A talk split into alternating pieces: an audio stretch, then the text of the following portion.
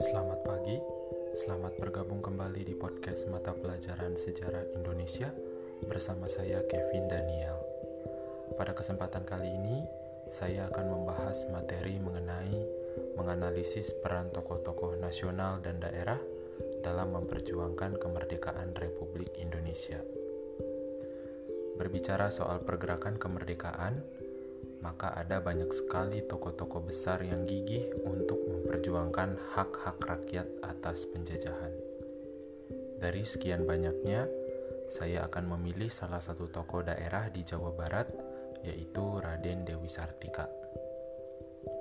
Dewi Sartika adalah pahlawan nasional yang lahir pada 4 Desember 1884. Sosok yang akrab disebut Uik ini merupakan anak kedua dari pasangan seorang patih bernama Raden Somanegara dan ibunya yang juga putri Bupati Bandung, Raden Ajeng Raja Permas. Adapun latar belakang mengapa Dewi Sartika harus melakukan pembaruan dalam masyarakat karena melihat kondisi wanita saat itu yang begitu direndahkan.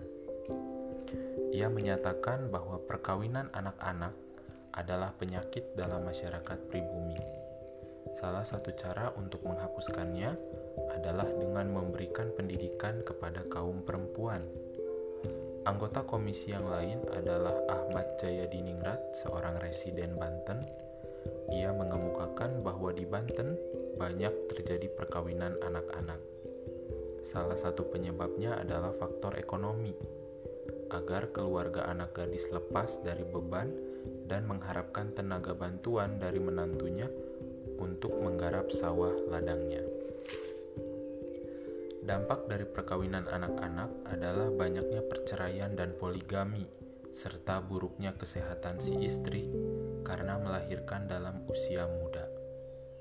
Kemunduran-kemunduran ini terus terjadi hingga akhirnya pada tanggal 16 Januari 1904 Dewi Sartika merintis sekolah yang diberi nama Sekolah Khusus Kaum Wanita atau Sekolah Istri dengan izin dari Bupati Martanagara.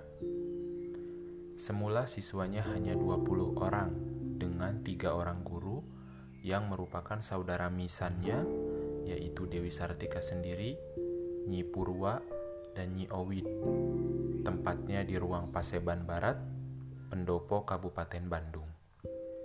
Tahun 1909, Sekolahnya meluluskan angkatan pertama.